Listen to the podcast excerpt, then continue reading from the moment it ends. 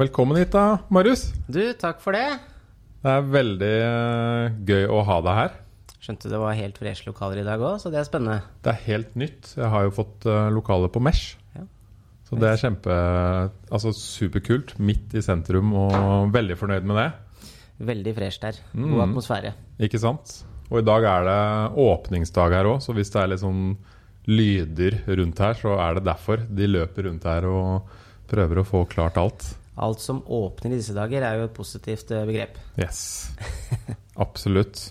Du, vi skal ha en eh, skikkelig ålreit samtale i dag.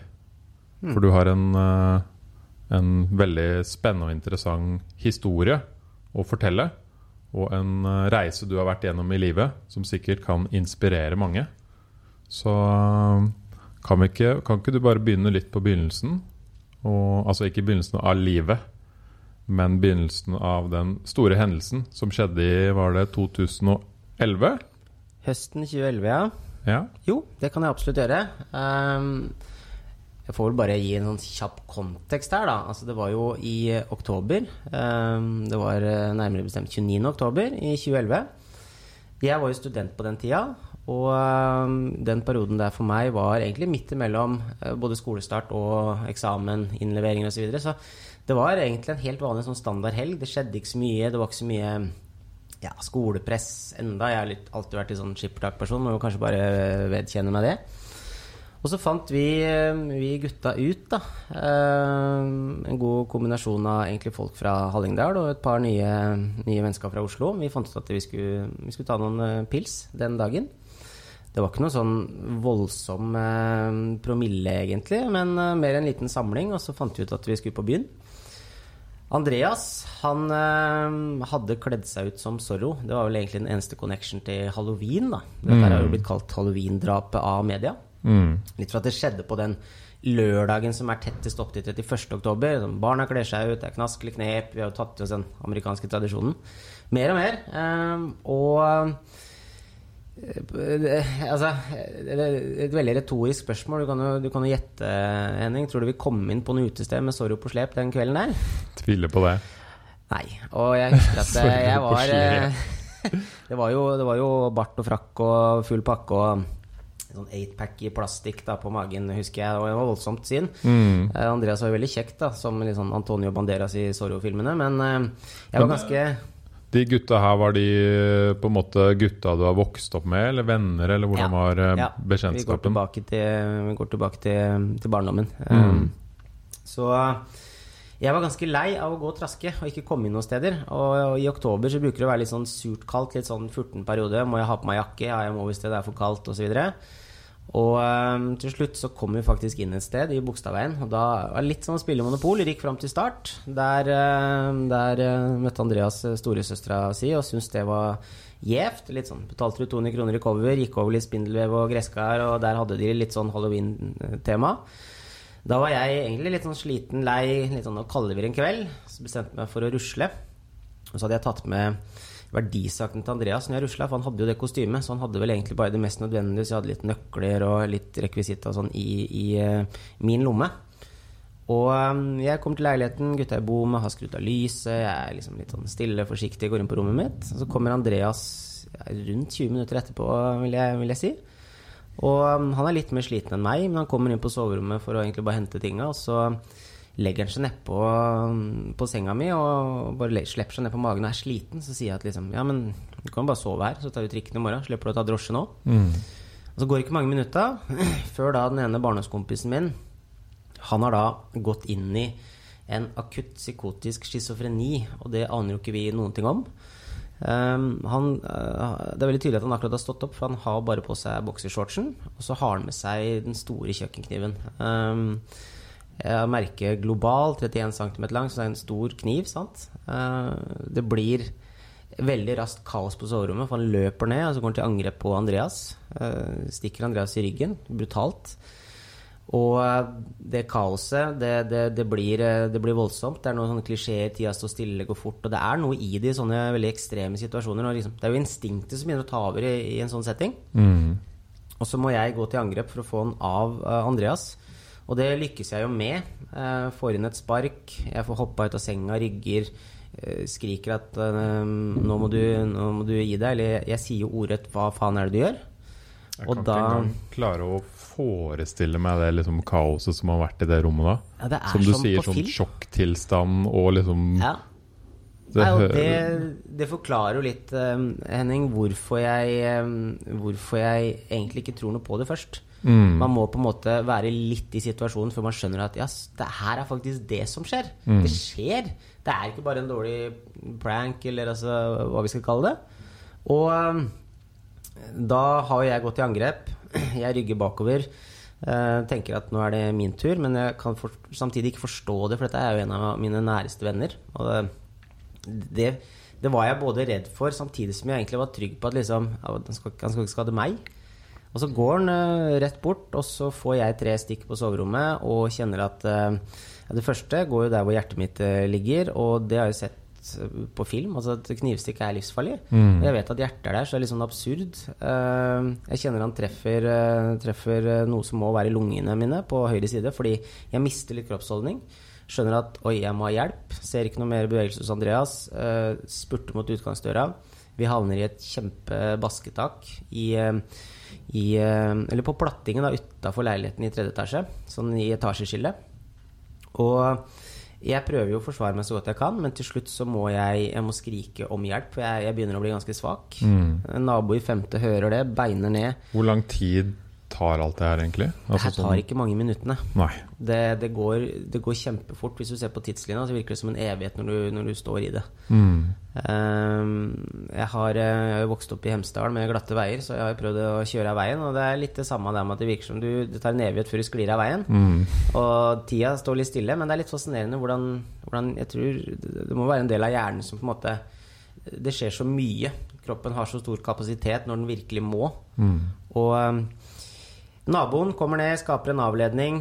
Eh, Samboeren min med, kniven følger etter han isteden. Så jeg får jo sjangla meg opp, kommer meg ned på gata, ut. Eh, Der er lyskrysset, det står en sølvfarga bil. Det viser seg å være Monir i Oslo Taxi. Han står og venter på grønt lys. Og eh, jeg får lukket opp passasjerdøra, legger meg inn og sier 'hjelp meg', fordi nå dør jeg. Og han eh, durer av gårde. Det er eh, Det var vel holdt på å si sleddespor, eller bremsespor. Det var gummi på utsida der hvor han hadde stått, fordi det har gått fort. Og han har brukt en vanvittig kort hastighet, eh, rundt fire minutter, fra, fra Bislett og ned til legevakta i Hausmanns gate. Wow. Så det, da har det gått uh, bånn pinne gjennom Oslos gater. Det har det, altså. Eh, Jeg tror ikke han har sett på hvilken farge det var på trafikklyset, for det var litt sånn varseltrekanten eh, og tuta inne konstant med AMK på, på telefon. Det var den rusheturen, da. Mm. Så, og så tok legevakta meg inn i en ambulanse. Eh, De kjørte meg opp til Ullevål. Ullevål kasta meg på operasjonsbordet. Tre operasjoner, elleve dager i eh, skal sies at det var kunstig koma, men det var jo elleve dager i, dypt inn i drømmeland.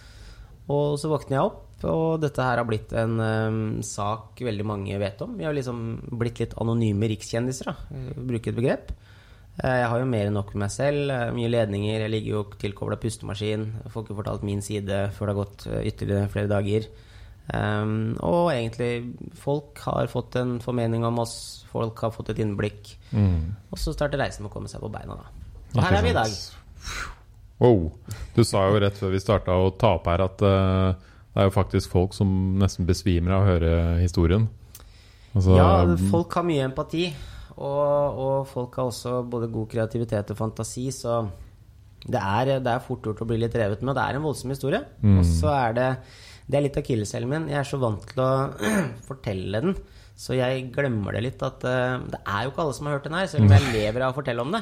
Og det er noe helt annet når du forteller det sånn her, ikke sant? Det blir litt mer intenst når vi sitter og ser hverandre inn i øya. Det gjør det. Mm.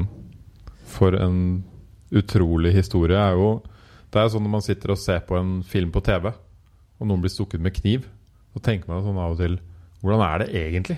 Hva er det som skjer i huet, og hvor vondt er det, og liksom Hvor mye adrenalin tar over, og Og så er det veldig stor forskjell på en film om det er eh, ja, La oss si Bruce Willis, da, som blir knivstukket. Han overlever kanskje stort sett, for han er helten. Er det en mindre kjent karakter, eller er det en skurk, så, så kan det jo gå på bare noen sekunder. Så når det er referansen eh, jeg hadde i situasjonen, så er det sånn Dør jeg nå? Eh, kan jeg holde ut nå? Hvor er det egentlig jeg er truffet? Hvor alvorlig er det? Er det sånn på film? Så det, det er jo den nærmeste referansen man har, og da er det sånn Hvordan er det egentlig i virkeligheten? Mm. Men det, det jeg kan si, er at um, i mitt tilfelle så gjorde det ikke vondt, i hvert fall. Nei. Det er jo så mye adrenalin, så, så Og det her er liksom Det er jo ikke noe, si, noe jeg sier for å barske meg, men det er mer det at eh, det er så mye adrenalin, og kroppen prioriterer annerledes. Så det er mer som i mitt tilfelle, siden jeg ble truffet i, i mellom, eller mellom to av tre lungelapper da, på høyre side, så var det mer at det føltes som jeg egentlig var litt forkjøla. Det var mm. punkteringen jeg kjente, og det at jeg mista kroppsholdningen. Og litt sånn lukter og den biten der. Det er egentlig det som gjorde mest inntrykk. Hm. Og så var du hvor lenge i, i koma, holdt jeg på å si? Elleve dager medisinsk koma. Det er jo et voldsomt traume for kroppen selv når man er lappa sammen eh, å forholde seg til. Det er litt sånn blodsukkerverdiene går opp i 60. Eh, det, er jo, det, er jo, helt ferske arr, sår. Det er jo, det er jo ja, hva blir det? Over 370 sting på kroppen, så det er jo sant, det er mye som skal hile. To meter med, to meter med arr. Så, to meter med arr. To meter med arr. Mm. Eh, drar vi fram linjalen, så er det bare å begynne å måle og dukker opp litt her og der. Hm. Og det er jo Altså det, og det er også en annen ting. Da. Det er utrolig hvor langt man har kommet med medisin i dag. Du ja. klarte å få deg på beina igjen, og du sitter jo her i dag. Ja, definitivt. Og jeg var tydeligvis med da hadde faren min signert på det. At jeg var også en del av en, en forskning som ble utført, hvor de, de ga meg eh, også saltvann sammen med når de ga meg blodet. Eh, rett og slett fordi at eh, det vil få det til å både rense litt og renne raskere. Og, så det er Det skal faktisk sies. Eh, det er så høyt nivå på Ullevål sykehus. De får generelt da kan man si Oslo universitetssykehus, eller sykehus i Oslo, eller Norge, for så vidt. Nå bare økte jeg målgruppa veldig. Okay? Men Nei, men uh, vi er såpass dyktige, det skal sies. Uh, jeg husker det var befaringer eller besøk fra andre sykehus rundt i Europa fordi de ville lære av Ullevål. Så det, det er ingen tvil om at det at jeg var i umiddelbar nære til Ullevål sykehus med et helt rått legeteam, uh, at det er så mye kunnskap, og at de faktisk, de faktisk er så godt rensende de er, det er jo helt avgjørende, eller var jo helt avgjørende mm. i en mm. sånn setting. Mm.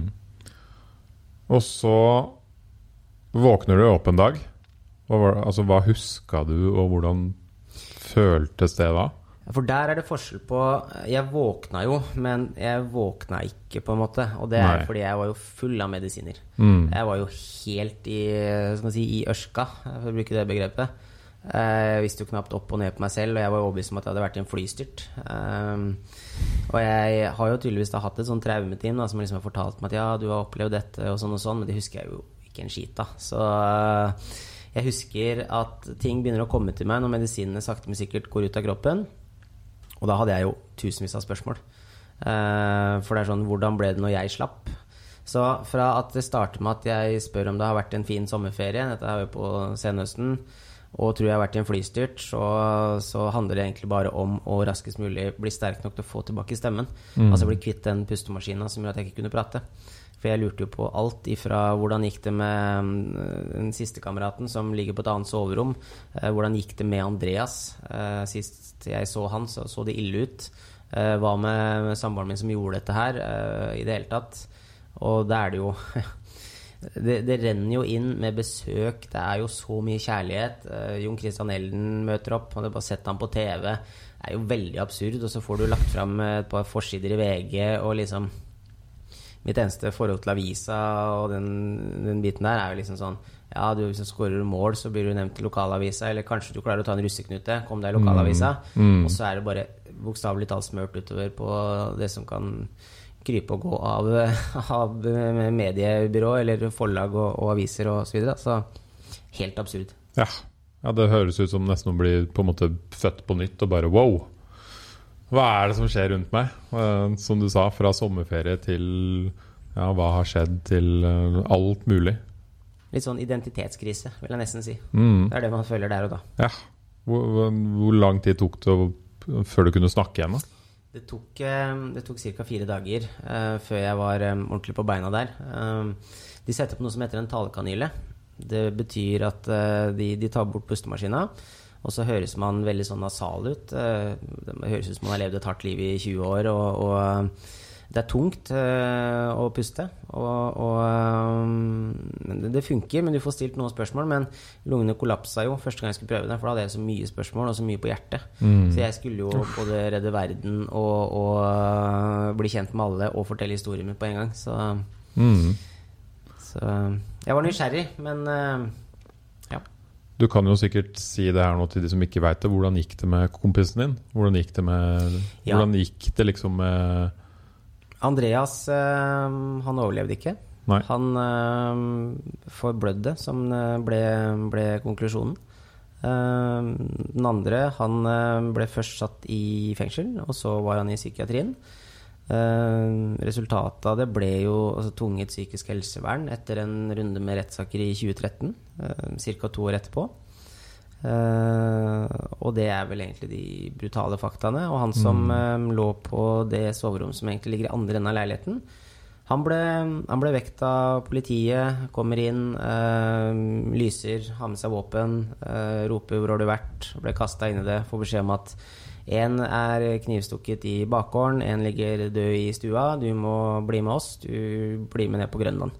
Så var det avhør og Så det var da de andre greinene i historien, da. mm. Ja, for det var det, det lurer jeg også på. Hva skjedde med han naboen, holdt jeg på å si, som tok Naboen, over han, basketaket? eh, Han øh, klarte å komme opp til egen leilighet. Han var rask til beins, fikk vridd om låsen og var i så måte i trygghet. da Ikke sant? Så eh, han fikk en uh, veldig stor klem når jeg så ham igjen, det kan jeg garantere. Det gjorde vel han taxisjåføren òg? Taxisjåføren også.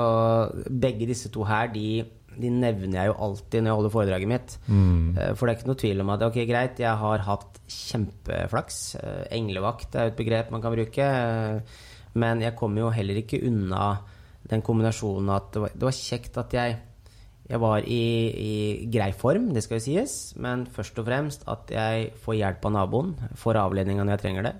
Eh, Monir, som drosjesjåføren heter, som eh, snur drosja brennkvikt og skjønner alvoret.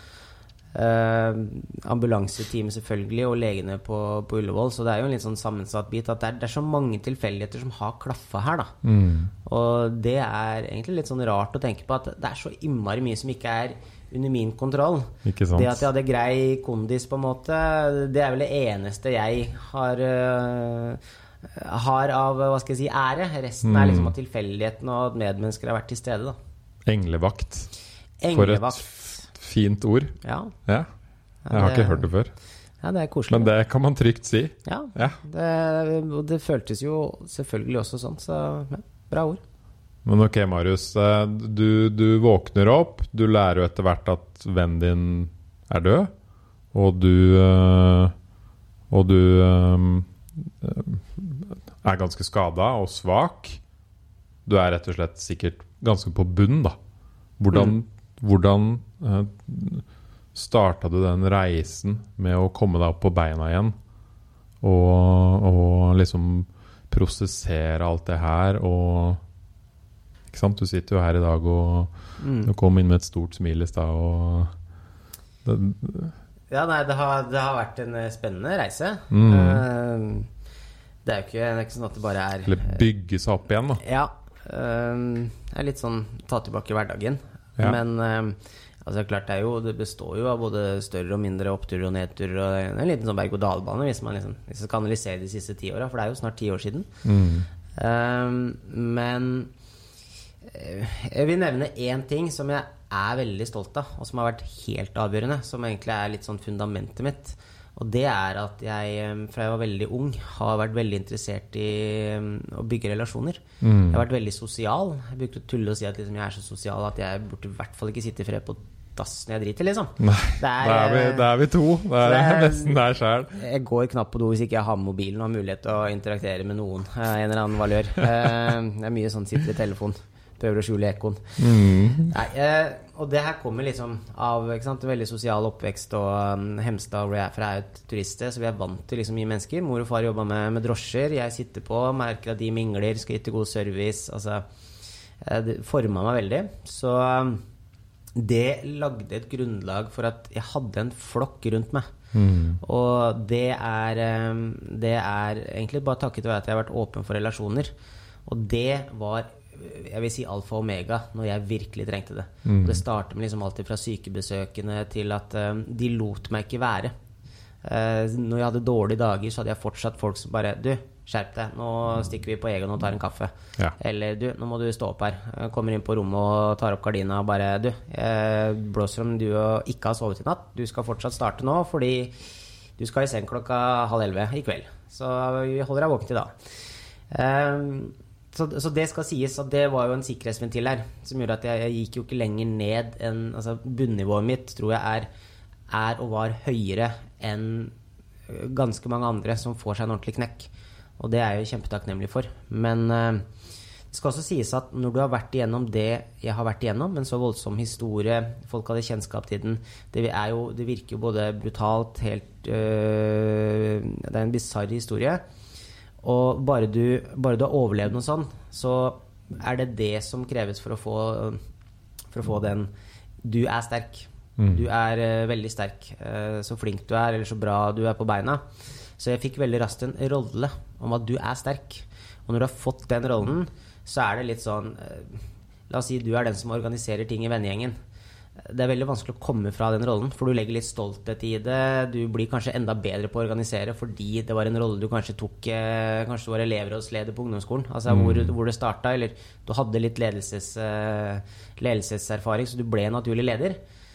Og, og, um, og det, er, det, er, litt vanskelig, fordi da får du på deg en maske som gjør at jeg er god til å prate for meg. Jeg er en sånn klassisk telefonselger som fikk noe viktig å prate om, bruker jeg å si. Mm.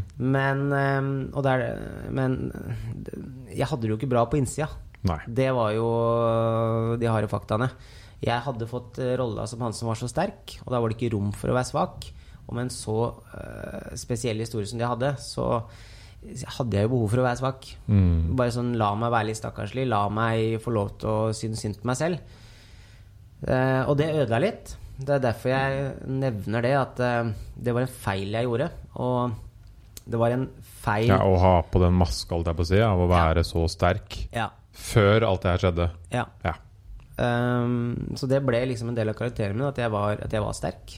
Og det gjorde det veldig vanskeligere, og, eller mye mer vanskelig å være uh, enda mer åpen, eller kanskje enda mer transparent, mm. som jeg burde. De nærmeste visste jo kanskje om det, men det gjorde meg litt sliten. Um, og når jeg var på bunnen der, så Vi må jo nevne at traumene mine var kompliserte. Mm. Um, jeg var jo bl.a. hos uh, som heter Lars Weiseth, professor i psykiatri. Mm. Han forteller meg jo det at uh, du har en rekke med traumer, og så kan de spille hverandre gode uh, Nei, dårligere hvis det er flere av de. Altså at de, de ødelegger for hverandre, de ulike traumene. Jeg sleit jo med å sove, for jeg hadde blitt angrepet når jeg lå i min egen seng. Og, ja, det kan jeg tro. Og når jeg da sovna, så hadde jeg jo mareritt. For jeg hadde jo sett og opplevd stygge ting som skulle prosesseres. Altså bilder og ting. Og jeg hadde tillitsbrudd. Hvis en nær venn kan skade deg, hvem er ikke kapabel til å skade deg da? Mm. Det kombinert med sorg, savn, eh, så har man, eh, har man skyldfølelse. Eh, eller empati, altså den empatien eh, rundt 'hvorfor er jeg i livet', hvorfor lever ikke Andreas? Disse tingene her eh, totalt sett, altså hver og en av de er jo egentlig ille å ha hengende over seg. Men når du blander dem, så blir det veldig tungt. Mm. Og eh, det er nok det vanskeligste. Jeg brukte nok jeg brukte nok ca. halvannet år på å være litt nede i den kjelleren, og jeg kom meg søren ikke opp trappa eller fant nøkkelen, eller jeg gikk og loka rundt og brukte veldig lang tid. Mm. Hvordan fikk du hjelp til å på en måte komme ut derfra, eller hva var noen verktøy? Ja, og det er litt sånn Jeg vil kanskje si tredelt. Nå hadde jeg jo hadde jeg en ramme rundt meg som ble sikkerhetsventilen, som, som, jeg sa tidligere. Um, og så tror jeg det er veldig det er veldig viktig når du opplever noe kjipt, i hvert fall så var det det for meg, å kjenne litt på den karamellen. Um, det som gjerne skjer, sant, er jo at når du får ordentlig motgang, så først kan du bli litt fortvila, du kan bli stressa, du kan jo få alt ifra Eh, depresjon av det, angst altså det, Du blir virkelig brutalt kjent med deg selv. Men jeg har også veldig stor tro på at uh, hvis du faktisk begynner å reflektere litt og blir litt kjent med deg selv i en sånn periode, så kan det gi deg den farta du trenger for å snu det. Mm. Og det er litt sånn sånn Altså Alle har et sånn tipping point. Eh, nå, nå gidder jeg ikke mer. Nå er jeg lei. Nå er jeg forbanna. Nå er jeg sint på livet. Og når man får de signalene der, i hvert fall gjaldt det for meg, når jeg begynte å kjenne at det er en liten sånn eh, F i magen, en liten sånn eh, Fuck alt dette her. Nå, dette her. nå er jeg så lei. Nå orker jeg ikke være en dårlig utgave av meg selv da traff jeg også veldig bra med at rettssakene var i ferd med å starte. Så jeg måtte møte noen fagfolk, enten jeg ville eller ikke. Mm. Hadde møtt fire psykologer, men det var litt sånn feil tid og sted. Ingenting galt med psykologene, det var bare at eh, jeg var ikke den eh, Jeg var ikke den perfekte kandidat for det løpet der og da. Mens eh, Lars Weiseth han møter meg på et tidspunkt hvor jeg er lei av å være fortvila og, og litt smådesperat. Og så begynner han å fortelle meg hva jeg har gjort riktig. Vi jobber med det med skyldfølelsen. Han um, forklarer meg instinkter, hvordan de funker. Vi begynner å gå gjennom hva jeg gjorde riktig den kvelden. Ting som er, eh, egentlig var helt essensielle, som jeg burde gjort for lenge siden. Som aldri, mm. aldri ble noe, noe, spørsmål om engang. Og det som skjer, er at jeg må love Lars å begynne med én ting som jeg da har kutta ut på det tidspunktet. Og det er eh, fysisk aktivitet. Ja. Og det løser vi med at uh, jeg kjøper meg et medlemskap, og da, da var det Sats Elixia. Uh, visste at jeg hadde litt kompiser som trente der, og det er litt kjekt når den dørstokkmila er der, at noen kan tuppe deg litt i ræva og bare dø. Nå stikker vi og trener her. Det har vi godt av. Men det ble da startskuddet for en uh, ny, sterkere, større ressurs enn noen gang. Da hadde jeg kjent på karamellen og virkelig stått og trampa i det. Grått og vært frustrert og hatt dårlig søvnkvalitet og vært forbanna på livet, syntes alt var urettferdig, hvorfor meg, osv. Men det virker jo som om det var veldig viktig òg. Ja. Altså noe du Det var ikke noe du bare kunne dytte bort ja. og gå rett på trening.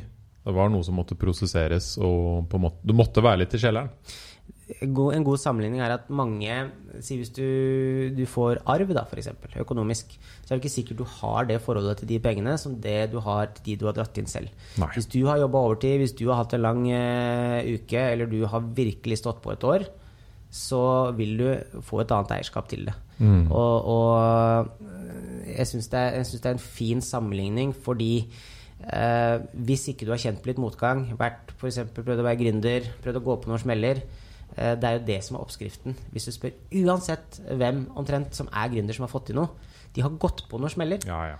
Og det der er direkte overforbart, og det er derfor det er så kjekt å bruke det med økonomien. Fordi hvis ikke du har kjent på verdien av penger, så er det ikke like enkelt å hente det inn på nytt.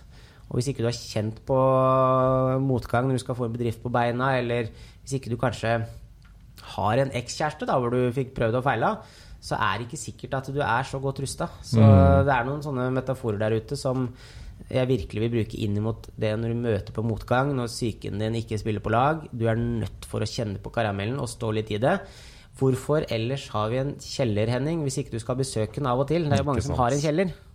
Men det mennesker er så flinke til, i hvert fall i dette moderne livet, er jo å dytte det bort isteden. Ja. Som du sier, vær den, sterk, den sterke Nei, nå har jeg gått på en smell. Nei, jeg, jeg jobber heller mye.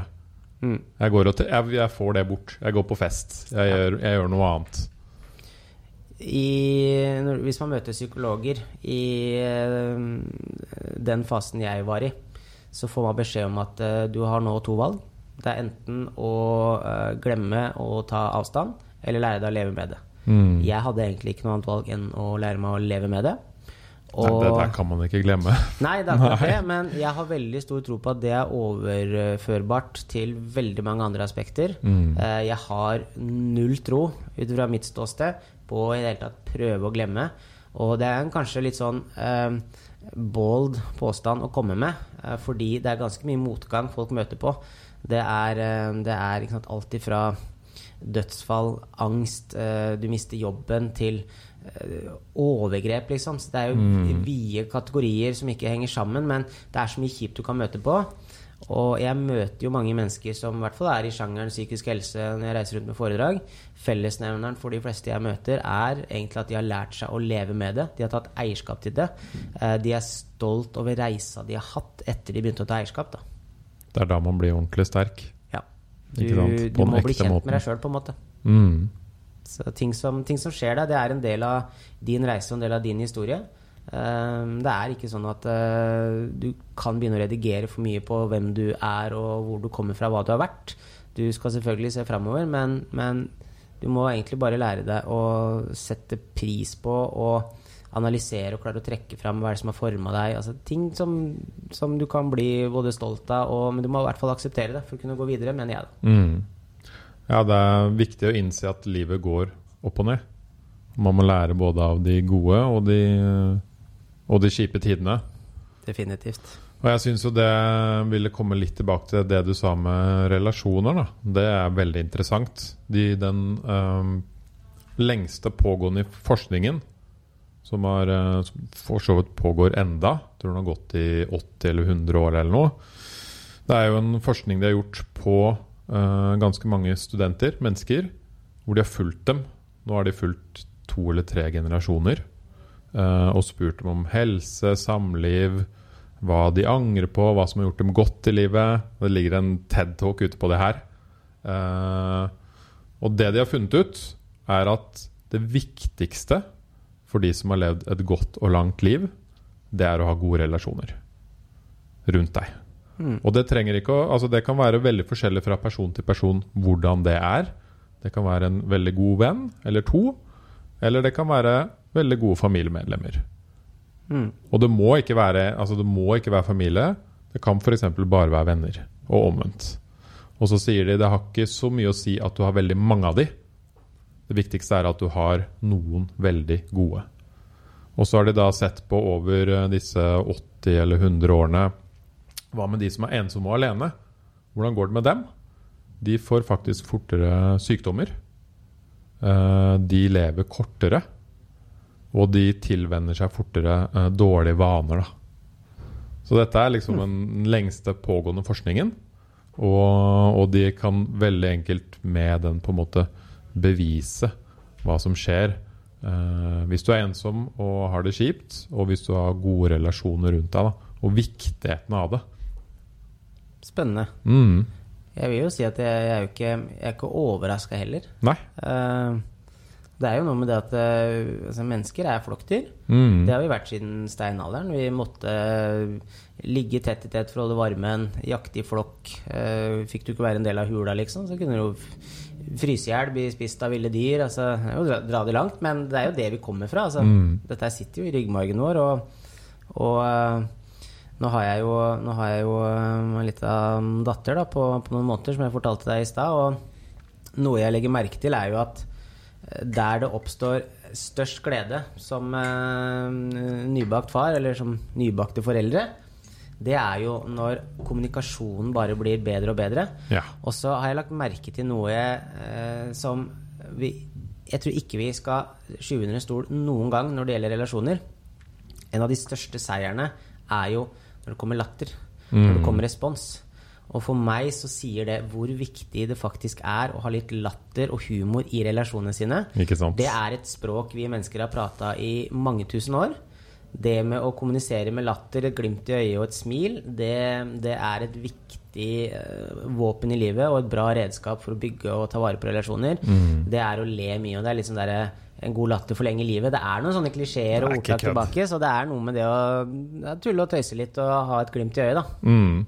Et annet sånn uh, forskningsprosjekt jeg har gjort, jeg husker ikke hva det heter, men det er sånn Rat Heaven eller, eller noe sånt. De har uh, putta rotter i et bur uh, hvor de er isolert og alene, og har tilgang til jeg tror det er heroin eller noe sånt.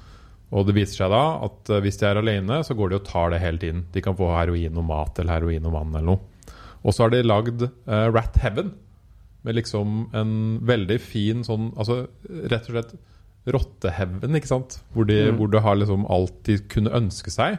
De har fortsatt tilgang til heroin. Men her har de venner rundt seg, eller andre rotter, og de har det fint rundt seg. Og det, det, har vist at da tar de ikke noe heroin, og de har det kjempefint. Og med en gang de blir isolert, så tar de det. Fascinerende. Ja. Og det, de så først på det prosjektet med rotter, og så så de Kan vi se dette blant mennesker? Og det, det kan man, fordi i Vietnamkrigen så var det veldig mange eh, fra f.eks. USA som var i krigen eh, og ble avhengig av eh, opium. Og det var fordi de opplevde mye fælt, fikk mye traumer og var mye ensomme. I mening. Og så kom de tilbake til USA, og de som hadde familie og venner, de slutta. De fleste, altså sånn åtte av ti eller noe, slutta med opium. Og de som var alene og ensomme, de fortsatte, mange av de. Så det er liksom sånn Det sier mye om hvor viktig det er, da. Og det er en sånn veldig eh, god tanke om hvor mye man burde ta vare på disse gode relasjonene i livet. Ja, og, og um, jeg har jo av og til holdt litt foredrag i si Målgruppene er um, eldre, ensomme. Det er jo ganske nedslående statistikk på hvert fall alkoholbruk. Mm. Eh, tar du eldre, litt ensomme menn, så er den skyhøy. Altså det, det lyser rødt på, på de målingene. Mm. Uh, og det, det er ikke noe tvil om at liksom den ensomheten, det å ikke ha tilhørighet, det, det jeg, jeg, jeg liker å tenke at uh, den dagen jeg dør um, For nå har jeg jo si, fått litt trening i det, da. Både i å tenke og være i en sånn setting. Og jeg fant jo ut at uh, jeg hadde så stort behov for å bli huska. Jeg sitter i den drosjeturen uh, og ser for meg min egen begravelse, og jeg er jeg er ordentlig nysgjerrig. Hvem er det som kommer i begravelsen min? Blir jeg huska nå? Har jeg skapt nok minner med folk rundt meg? Og det har gjort at altså, jeg har en sånn filosofi. Jeg, jeg, jeg har ikke noe behov for å ende opp med å få en gate oppkalt etter meg, eh, for å gi et eksempel, men jeg har et behov for at flest mulig skal ha best mulig minner og huske meg den dagen jeg er ferdig. Mm. For det var å vise seg, når jeg da var såpass nære med å stryke med, at det var noe jeg ofra den lille tida jeg hadde. Og det, det ekstra jeg hadde på å ikke bare tenke på å holde meg i live, det brukte jeg på det. Og det Mm. betyr at eh, jeg føler jeg fikk en forsmak på hva som vil være viktig for meg den dagen jeg kanskje blir eh, gammel og skrøpelig, hvis jeg blir det. Og eh, det har blitt en liten sånn leveregel at det sosiale, det skal jeg aldri gi slipp på. Nettverket mitt skal jeg gjøre alt for å ta vare på.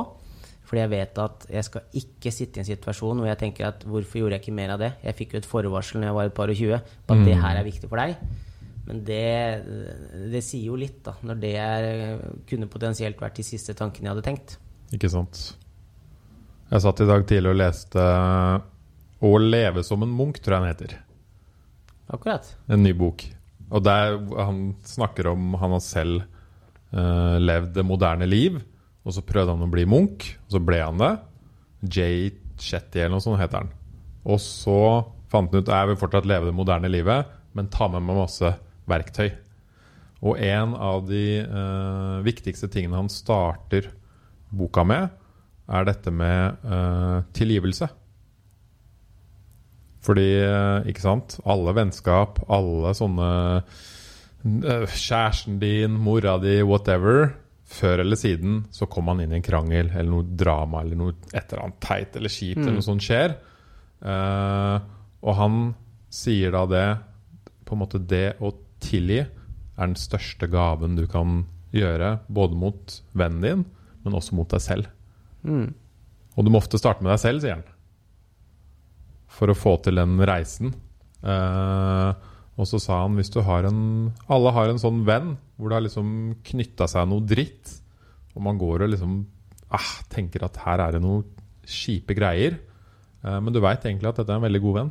Og som vi snakka om, så er jo relasjoner viktig. Og da leste jeg i dag tidlig at da kan man eh, skrive ned alle de tingene man egentlig vil si til personen, og så kan man si høyt at man tilgir for det. Og hvis du da klarer å tilgi den vennen uten å på en måte si alt det Fordi han sa det er forskjellige nivåer av tilgi. ikke sant? Det er den derre Jeg tilgir deg hvis du innrømmer alt du har gjort feil. Jeg tilgir deg hvis vi liksom kan øh, Han sa det kalte forretningsføreren. Hvis jeg sier hva jeg har gjort feil, og du sier hva du har gjort feil, og så kommer du på et enda øh, dypere og bedre nivå Jeg tilgir deg uansett hva du har gjort. Riktig. Fascinerende. Veldig. Men eh, jeg, må jo si jeg skjønner det 100 da. Ikke sant? Og eh, så kjenner jeg at det, det var kjekt eh, det du sa med at det Stort sett så starter det jo med en selv. Mm.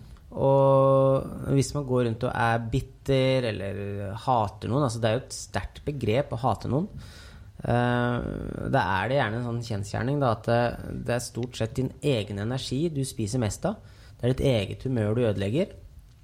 Og, og det er jo der det er så greit å kunne trekke inn det at det, hvis du skal tilgi, så må det først og fremst være fordi eh, du trenger det. Det føles riktig for deg. Og derfor er det jo veldig individuelt. For det er ikke sikkert Altså, det, det, det er bare kjekt å kjenne litt på følelsene sine. Og Veldig. ting trigger deg, og ting kan bygge seg opp, og du kan bli rasende. Og, og jeg er veldig fan av at du skal teste uh, følelsesspekteret ditt. Men eh, at det starter med en selv, og, og at det føles riktig for deg. Og, og, og det er jo da en direkte, en direkte ting fra min historie. Det er jo nettopp det at eh, for meg føles det riktig å tilgi det jeg har opplevd, det jeg har blitt utsatt for. Mm. Og um, så syns jeg det var vanskelig, fordi jeg, jeg tilgir jo ikke drap, Nei. det man på en måte lever med, men jeg tilgir det som er min rolle i dette her. Det som er Yes. skadene jeg har påført, det som har vært min reise, selv om den har vært uh, tung og utfordrende og, og i det hele tatt, så er det det jeg ønsker å tilgi. Mm. Og Og det kommer han for så vidt Det kommer videre i det kapitlet, da. At uh, noen ganger så, som du sier, tilgir man seg selv.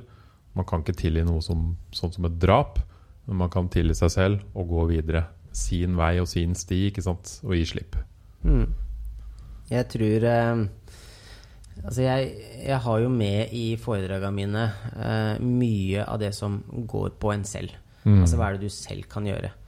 Og eh, jeg har Hva for kan man eksempel- selv gjøre? Ja, hva kan man selv gjøre? Mm. Nei, eh, altså litt av kjernen av det jeg har lært, eh, for å ta det kjapt, da. Nå er det jo sånn at det, det er jo masse ting, men skal jeg liksom trekke fram La oss si de tre viktigste punktene. Mm. Da vil jeg jo si at alt starter med den fysiske aktiviteten. Det å bevege seg. Det å vite hvilket våpen det er for deg. eh, Både for at kroppen trenger det, eh, frigjøring av endorfiner, eh, mestring, struktur, rutine. Folk som er ressurser, hvis du begynner å se på hvem er du har rundt deg, de har gjerne fysisk aktivitet i livet sitt. Det er dems våpen. Mm. Så, og det er gjerne det det starter med, sant? Fordi da handler det bare om å ta på seg joggesko eller deg. Eller det som står i gangen. Gå 100 meter, det, det kan være en start. Mm. Og øh, verktøy nummer to er jo å, å Men litt, litt mer om det, da. Det, mm, så si hvis man har det kjipt og er langt nede, ja, så er det en veldig god start å begynne å bevege seg. Gå 100 meter. Mm. Det, Ikke bare ligge hjemme, men begynn å liksom få i gang kroppen og som du sier, føle at man vinner litt. da Ja. Man mestrer.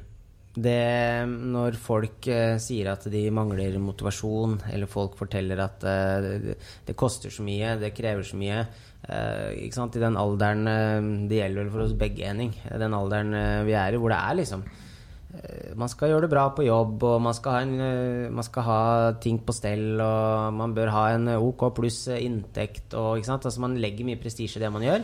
Man, nå er det sånn, ja, man være ferdig med å leke, og nå skal vi være voksne, på en måte. Og det, den kjenner jeg litt på, og i den, i den forbindelse så er det veldig mange som kommer med et uh, typisk resonnement. Vet du hva, jeg har ikke hatt tid til trening denne uka. Altså. Det har vært så mye jobb. Det er- Og så er det henting i barnehagen, og så skal jeg innom på det, og så har jeg lovet å lage en rapport, og den skulle vært ferdig, og så skal jeg i tillegg hjelpe en venn å redigere en tekst. Altså, det der er sånn gjenganger, og der tror jeg 90 vil kjenne seg igjen i, og inkludert meg sjøl. Men det man ikke eh, Eller har en tendens til å glemme, det er at eh, det er hvis du har en knallhard arbeidsuke, det er den uka du skal legge inn en halvtime eller en time med trening. Yes. Det er den uka du trenger det. Og da igjen, sant, nå skal ikke jeg snakke altfor mye om entreprenører og, og folk som har fått til ting, og gründere osv., men det er en fellesnevner, fordi de har vanvittig lange og krevende dager, mange av dem. De gambler, de lever med stress, det er ikke sikkert de har nåla i veggen, de har putta alt inn i et selskap. De trener. Mm. Og de trener enten tidlig på morgenen eller sent på kvelden. Og det er helt fine. Men det å snu litt rundt på den eh, tankegangen og den filosofien folk har om at eh, vet du hva, neste uke så blir det bedre, neste uke så har jeg litt mindre jobb, det kommer du til å bruke til å slappe av. Ja. Hjernen din vil gjøre minst mulig og bruke minst mulig kalorier til enhver tid. Det er litt sånn overordna rask konklusjon, men du har på en måte den indre stemmen imot deg. For den vil ta snarveier. Den sitter hele tiden og forteller at «Øh, gjør det litt smartere på jobb nå, og ikke bruk så mye kalorier. Dette kan du jo. Men vi kan knekke koden og få det til å se ut som du gjør mer, men du gjør egentlig mindre. Og så slurver vi litt med den, og så er det oppe en halvtime lenger nå, for du fortjener jo litt kveld. Du fortjener å kose deg. Og så kommer vet du, du kan komme en halvtime for seint på jobb også, for du fortjener søvn. Sånn sitter den forbaska stemmen på skulderen din. Alle den, har den eh, lille jævelen. alle har den lille jævelen. Og den er med og, og, og tuller til ting. Og er det noe jeg tror, er at du også lettere holder den i sjakk. Fordi når du får endorfiner inn i det kringsløpet av eh, Man har vel sånn rundt 50 000 tanker eller noe pluss pluss i løpet av en dag. Det er vel sånn at 80 er negative. Eh, jeg har lyst til å Ja, det er helt vilt. Ja. Eh, men jeg har lyst til å lansere en teori. Jeg tror den, eh, den brøken der forandrer seg når du begynner å få litt eh, mestringshormoner fra trening og tenke litt klart. Og de 100 meterne, det er ikke sånn at du blir en drastisk livsstilforandring, eller du hva skal jeg si, kommer i veldig mye bedre form, men de 100 meterne med joggesko eller tøfla, de gjør at du blir mer kreativ. Du får mer overblikk. Mm. Og overblikk, det gjør at vi senker stressen. Får generelt mer oversikt over hverdagen, problemstillinger. Kanskje det er en bagatell som trykker deg ned den uka. At ikke det var det at du har overarbeida, men du har, du har jobba mye samtidig som du har en sånn liste med ting som er kanskje ikke uh, must do, men nice to do. Yes. Eller good to do. Og det har jeg tenkt mye på. Akkurat den det, det, eh, Entreprenører Jeg har møtt og snakka med mange. Og det som jeg også har lært av dem, er jo at de har så mye å gjøre at de har ikke så mye tid til å sitte og tenke på om de skal gjøre ditt og datt. De putter det i kalenderen, f.eks., og da putter de også inn trening. Og så veit de at de gjør det på den tida. Og da slipper de å bruke så mye tid på å tenke på det ofte. Det er liksom, ja, jeg putter inn mandag, onsdag og fredag klokka syv om morgenen, og så gjør jeg det. Jeg synes, Så frigjør eh, jeg litt tid i hjernen til å tenke på om jeg skal trene. Men tenk hvis man, eh, hvis man vrir litt på Det er en sånn kjent problemstilling, tenker jeg, at det, det er kjekt å ha en rutine på å trene. Mm. Men det jeg tror, det er at hvis du har trening i hverdagen din, så er det lettere å få rutiner. Ikke sant? Så istedenfor å liksom vente på at eh, rutinene skal legge opp til trening, så kan rutinen, nei, trening legge opp til at du får rutiner og overblikk og litt mer kontroll på den indre stemmen. Absolutt. Jeg syns det er et utrolig bra tips. Og problemet og ting vi, det vi har blitt lært opp til når vi var unge, veldig mange, er at når du skal trene, så skal du trene halvannen time. Og du skal slite deg helt ut. Og, liksom, og jeg, jeg syns jo det er veldig bra og digg å gjøre det av og til, men det er ikke sikkert det passer godt overens med livet ditt ikke sant? her og nå. Og som du sier, det viktigste er å bare gjøre noe. Mm. Ikke nødvendigvis at du må ta og Du må ikke gå på sats hver dag, ta en halvannen times økt. Liksom. Det er kanskje ikke så bærekraftig for ditt liv. Ja, men Mest sannsynlig så kan den halvannen timen eh, Man nærmer seg jo et, eh, et sånn skjæringspunkt. Når er det du må begynne å tenke enda mer på restitusjon? Når er det du må kanskje begynne å spise mer mat? Altså, Løper du halvannen time på mølla, så krever det en del ekstra kalorier. Mm. Så det er liksom, det er noe med det at hvilke Hvilket treningnivå er det du trenger for å fungere? For at hjernen din er på lag med deg? Altså for at den psykiske og fysiske helsa fungerer best, er på samme fotballag. Eh, Selvfølgelig så må man jo nevne at eh, du må jo være litt obs på hva du putter i deg. Liksom. Altså, hva er det du som er bensinen du gir kroppen? Og det at du faktisk trenger søvn, det, det er et viktig parameter. Altså, søvn, ernæring og fysisk anstrengelse da, det er kanskje det mest grunnleggende psyken din trenger. Men så lenge du har psyken din med på laget, så vil alt annet ordne seg. Det å bare ha det bra til sinns, og igjen med tanke på, på han han munken du, du fortalte om i stad Er det noe jeg fascineres av, av den type folk, så er det at de har så kontroll på sinnet sitt. Ikke sant? Og det, det er for så vidt morsomt, fordi eh, han skriver jo også om på en måte junior- og senior-munkene. Og munker de, de ses jo ofte på som litt sånn seriøse, men smilende folk og sånn. Og han sa at de juniorene som kom inn, de var altfor seriøse. Ja. De tok alt for seriøst. Og de, de sleit seg ut, ikke sant. Og de seniormunkene de var mer sånn Hei, hei, slapp av. Vi er mennesker. Alle gjør feil. Kom igjen, da. Det gjør ikke noe om du lo litt. Det gjør ikke noe om du tenker på, på sex og dam. Altså, alle gjør det. Det går bra. Det er ikke Mm. det som er poenget her. og viste at de var mennesker, de òg. De, de har disse tankene. De er som oss. Uh, og så har de øvd seg mange år og trent på det å være mer tilfreds i livet og ha en indre ro. Da. Det kan være litt sånn der, eh, Hvis du har ti år i politiet, så, så har du litt mer overblikk og bruker litt mer skjønn, tror jeg. Det Det tror jeg òg. jeg tror ikke det bare er en fordom. Jeg tror det er noe i det der. Mm. Jeg tror, jeg tror jeg hadde vært tryggere hvis, jeg, hvis det hadde vært 17. mai og det hadde vært alkohol på åpen gate, så hadde jeg vært tryggere hvis jeg hadde gått forbi en godt voksen politimann enn en ungen. Det tror jeg faktisk. Mm. Men eh, det, er litt, det er litt morsomt akkurat det der, fordi det som nevner da med, med det at vi er, vi er bare mennesker. Eh, og da kommer man liksom inn på det med utskeielser, det med at det ikke er noe nødvendigvis noe fasit på alt. Og folk som f.eks. er superopptatt av trening, hvor det er store deler av livet, det er ikke sånn at de ikke skeier ut. Nei. Det er ikke sånn at Du ser kanskje en Instagram-feed at ja, det er jo alltid ulike boller med laks, og det er sashimi, og det er eh, fullkornsblandinger her og der, og det ser superfancy bra ut. Men det er jo sånn at eh, de fleste av de de skeier ut. Og når de Ja, ja. skeier ut altså, De best trente folka jeg kjenner, kjenner til, det er de som, når de først skal ta seg en fest ja, Der står det jaggu meg en halvflaske vodka i baklomma, liksom, og bæreposen er så tung at altså, Det er bare sånn Så det der, det der har jeg Og når de først spiser pizza, så spiser de to. Det er nettopp det. Altså, da går hele godteskåla til bunnpris eh, i samme posen Så Det er liksom sånn Men det der har jeg så truen på, å bare ha et ok forhold til det. Det er, det er fint å være strukturert og ha et uh, oversyn på det, men Mm. samme er det jo med Har du hatt en hard arbeidsuke? Drit i å jobbe de tre siste timene på fredag, da. Ja, ja. Gå hjem! Altså Kjenn begrensningene, vær litt menneske i lufta, eller skru av telefonen. Mm, ikke sant.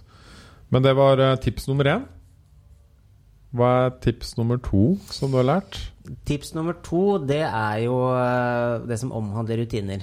Um, og nå må vi jo da bare sånn se konteksten her, og den er jo at i, i mitt tilfelle så måtte jeg jo jeg måtte jo eh, mangle rutiner over en periode for å kjenne verdien av det. Så det også var noe av det jeg lærte, at uh, nå flyter bare ting. Nå har jeg ikke struktur på det i det hele tatt. Så jeg er veldig klar for å få litt mer rutiner.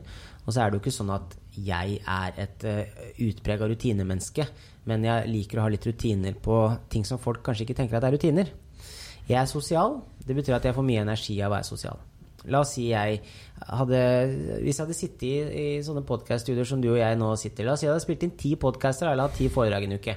Da møter jeg mange mennesker. Det blir mye relasjoner, det blir mye prat. Altså det er, du får mye kjærlighet fra, fra folk rundt deg på en måte når du, når du møter dem og du blir kjent. Og allikevel, når helga kommer, så må jeg mest sannsynlig enten gjøre noe sosialt, invitere guttegjengen på fotballkamp, eller dra i et 30-årslag, eller uh, i det hele tatt. Og det, det veit samboeren min, at uh, sånn er det.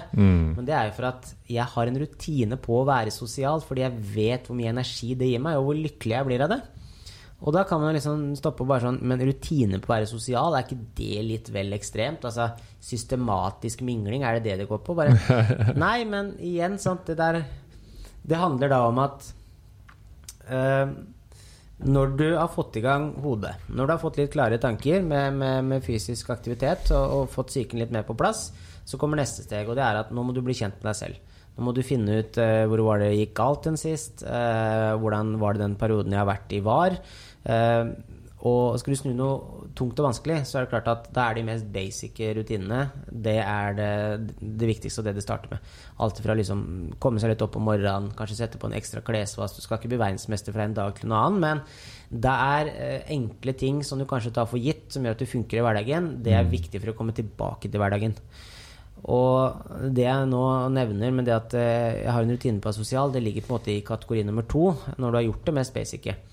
Og det kan være å begynne å eh, ha samtaler med seg selv.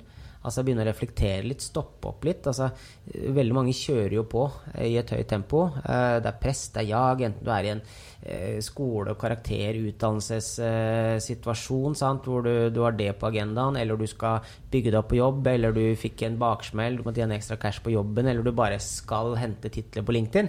Uansett hvor du er i landskapet, da så tror jeg veldig mange har godt av å stoppe litt opp og bare Vet du hva, den sommerfesten i morgen, er det egentlig det jeg trenger nå? Yes. Altså Skal jeg bare bli hjemme? Trenger jeg bare være litt meg? Skal jeg ta på meg joggedressen og kjøpe noe Laban Seimen og se på en måte i brøstet, liksom? Altså Hvor er det Mm. Har skoen trykker? jeg egentlig lyst? Ja. Og den praten tror jeg er viktig. Mm. Og den praten, den gjelder også eh, Trives jeg i jobben? Har jeg en hverdag jeg er fornøyd med? Eh, den, den kan brukes til er det verdt det? Er det presset og det slitet verdt i forhold til gevinsten? Er det bare lønn? Er den lønna verdt det? Trenger jeg den lønna? Altså, det er så mange prater du kan ha med deg selv. Det kan være til og med at vet du hva, hva er det jeg trenger i dag? da? Vet du hva, Jeg trenger å gå og kjøpe meg en softis, få på noe tutti frutti-strø på den og gå i parken, for det gjorde jeg da jeg var syv år med bestemor. Det er nostalgi. Jeg setter meg på den benken og prater litt med fuglene eller de som måtte være der. Eller jeg ringer en eh, kompis eller venninne jeg ikke har pratet med på en stund. Det her kan være rutiner. Så lenge det gjør, gjør deg lykkelig.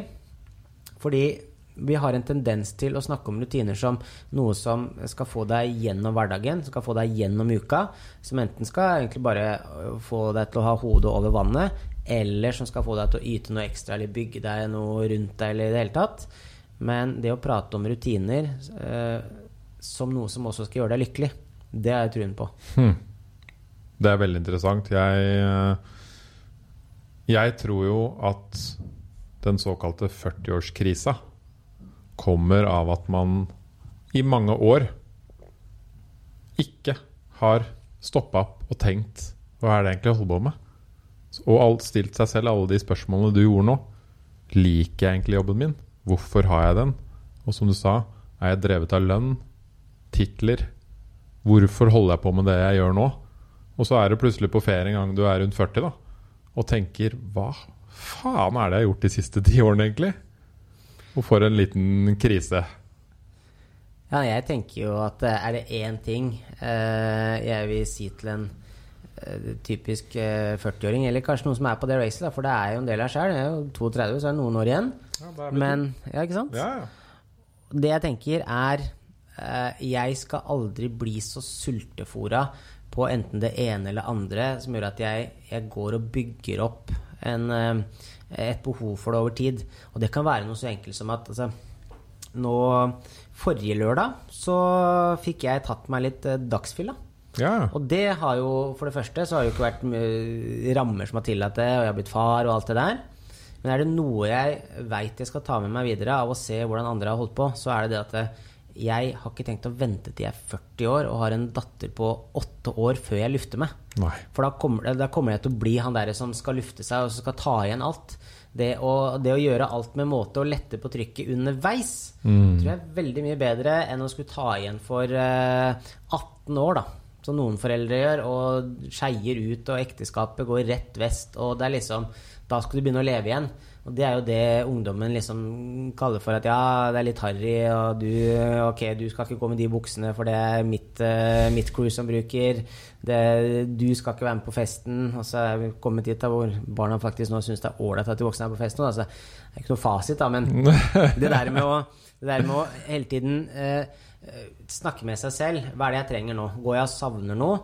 Skal jeg gjøre en forandring? Skal jeg lette litt på trykket? Om det er å ta seg en pubtur til England med gutta, eller om det, det er å bare avlyse en sommerfest, eller om det rett og slett bare er å bytte jobb. Altså, der også merker jeg litt den derre hvis du bare sitter i en jobb bare fordi at ja, men den jobben her, den er jo gunstig. Vi er jo i en familiesituasjon. Jeg gjør det bare pga. inntekten.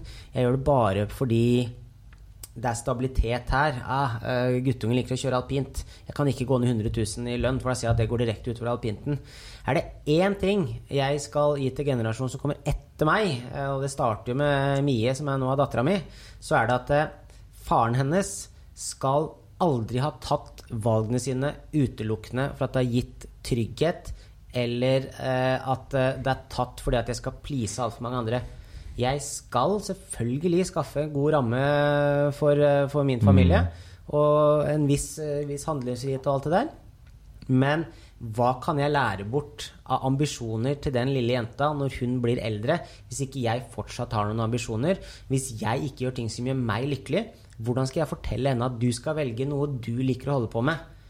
Altså, Jeg kan jo ikke se meg selv i speilet og si at eh, faren din valgte ikke noe han Nei. liker å holde på med. Han men det det. syns jeg du skal gjøre. Og da blir det sånn eh, gjør som jeg sier og ikke som jeg gjør, og det funker ikke. Det er like dårlig statistikk som å si til en 18-åring at kjør forsiktig på holka, det er nå du har fått førerkortet, det er nå du skal lære.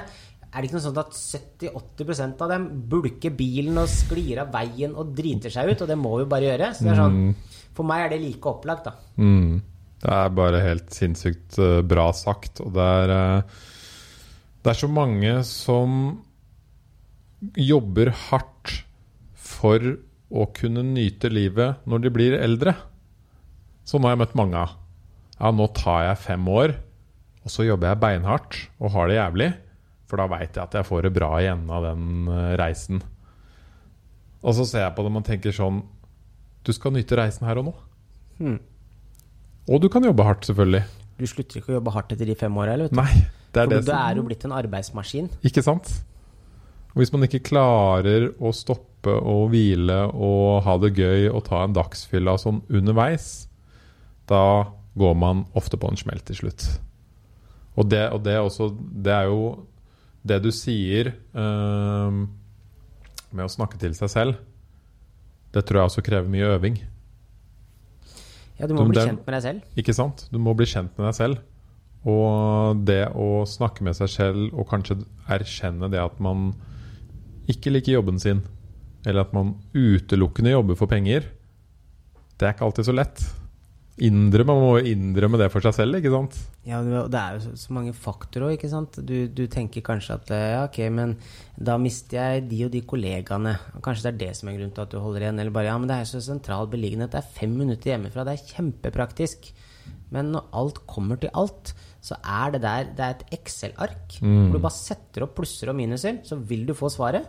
Og enten du er en uh, faktabasert person som liker tall og systemer, og du vil ha ting konkret, eller du er en litt mer svevende person, som jeg personlig er. Jeg er en sånn klassisk sånn salgspersonlighet. Det ordner seg, jeg tar i morgen. Vi skal til Magaluf på tirsdag. Ja, ja, men har vi noe reiseforsikring? Ja, vi trenger ikke reiseforsikring, nei, nei, men vi bare durer av gårde. Ja, ja, men jeg har et kredittkort fra Bank Norwegian, ja, så det betaler jeg tilbake før sommeren er over. Så det går fint. Altså, uansett hvor du er hen, altså, tror jeg det handler om, øh, eller hvordan du er som person, så handler det om at du, du, du må kunne sette opp noen regnestykker.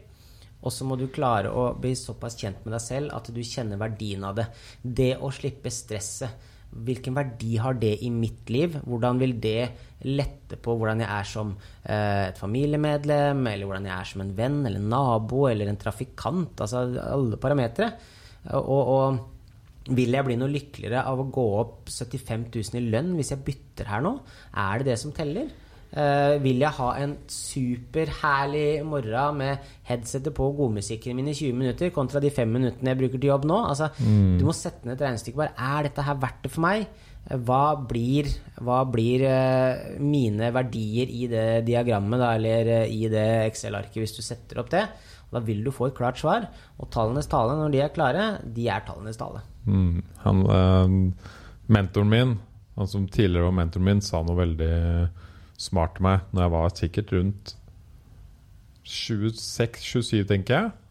Han sa 'Henning, vær jævlig forsiktig med de vanene du tilegner deg de neste fem-ti årene'. Og så sa han et godt eksempel på det er meg. Han var sikkert 45 da. Jeg har tilegnet meg ganske dyre vaner de siste ti årene. Uh, og det er også familien min. Og det betyr at jeg aldri kan gå inn i en startup nå. Livet mitt er så dyrt. Ikke sant? Og det er bare, han var veldig sånn ærlig på det. Altså det kost, Vi bor i Bærum, vi har et sånt hus, vi har to biler. Eh, barna mine elsker eh, de og de aktivitetene. Jeg må tjene en million i året. Og det, det er derfor jeg gir deg dette rådet her nå, ikke sant? Eh, vær veldig forsiktig. Og da ga masse eksempler. Kjøper du kaffe hver dag på butikken? Kjøper du de og de tingene hele tiden? Uh, tilegner du deg Går du på veldig dyre ferier, ikke sant? Eller tar du et ålreit hotell? Og det, det syns jeg var et veldig godt tips. For det har jo mye å si, og det er jo mange som på en måte Ja, nå fikk jeg en ny eh, og bedre jobb med mye mer lønn. Da kjøper jeg bare dyrere ting. Kjempefascinerende. Og et super, et super ærlig og bra råd. Veldig. Og så tenker jeg um, For de som eventuelt har sett på Ronny Brede Aase, når han uh, skal prøve å, prøve å få litt oversikt over vekta si, det programmet som har vært på NRK, mm. uh, syns han Ronny er så herlig likende kar at uh, det i seg selv var bare sånn Det her må jeg se. Og så lærer man jo veldig mye av det programmet, uh, for det er liksom de harde faktaene. Og eh, Det er veldig fascinerende akkurat det som kommer på uh, hvordan skal man legge opp en diett. Hvordan er det kroppen jobber imot deg? Altså Det at kroppen er latsmart, det var jo inne på i stad, liksom, hvordan hjernen din funker. At, jo, det er sånn klassisk bedrifts- eller organisasjonspsykologi. Det med at liksom, hjernen din vil alltid prøve å gjøre mindre og få det til å se ut som du gjør mer. Det, det, er i hvert fall mm. sånn det er rigga at jo mer rutta du blir i jobben, jo mer begynner hjernen din å ta shortcut og løsninger i det hele tatt. Um, nå jobber jeg litt med rekruttering på si, og, og der bruker jeg alltid å si at men, ja, men la folk være hos dere bare to år, da. Det er helt fine. La de svi av kruttet gå videre, få nye impulser. Du vil ikke ha folk som har tatt altfor mange snarveier. Så det er helt greit. La de klatre videre.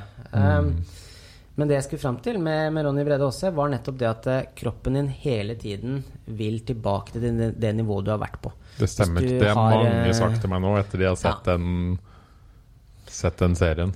Og det føler jeg er litt overførbart til det mentoren din har sagt. Mm. Hvis du først har lagt lista på et altfor høyt nivå, du har hatt en altfor dyr ferie Altså, har du vært i Vegas med kidsa, det er det klart at uh, Ramton camping blir liksom ikke helt Nei. det samme med Hva skal jeg si uh, Det det innebærer. Så det, det, er noe med det at det er helt i orden, selvfølgelig, å ta seg en Las Vegas-tur, og det å kose seg med barna.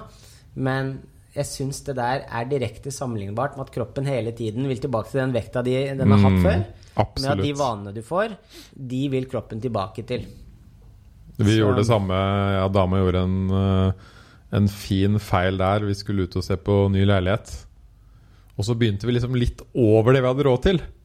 Så så vi jo veldig fine leiligheter. Og så bare Nei, vi har jo Altså, da må vi makse alt, ikke sant? Det hadde vi jo egentlig ikke lyst til.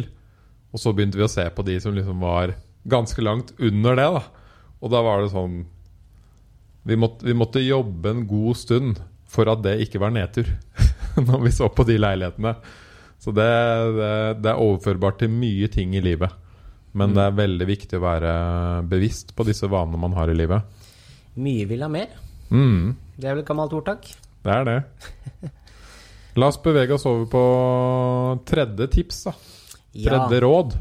Det, og nå skal vi snakke om eh, valuta. Eh, investeringer, eh, kapital, hva du har i banken. Og eh, jeg liker å gå ut sånn som jeg nå akkurat gjorde når jeg forteller om eh, det verktøyet. For det har ikke en skit med penger, eh, verken fysisk på bankkontoen eller kryptovaluta å gjøre. Det handler om hvilke investeringer er det du gjør i folk rundt deg. Mm. Hvordan investerer du i relasjonene dine? Hvordan tar du vare på dem? Hvordan forvalter du dem?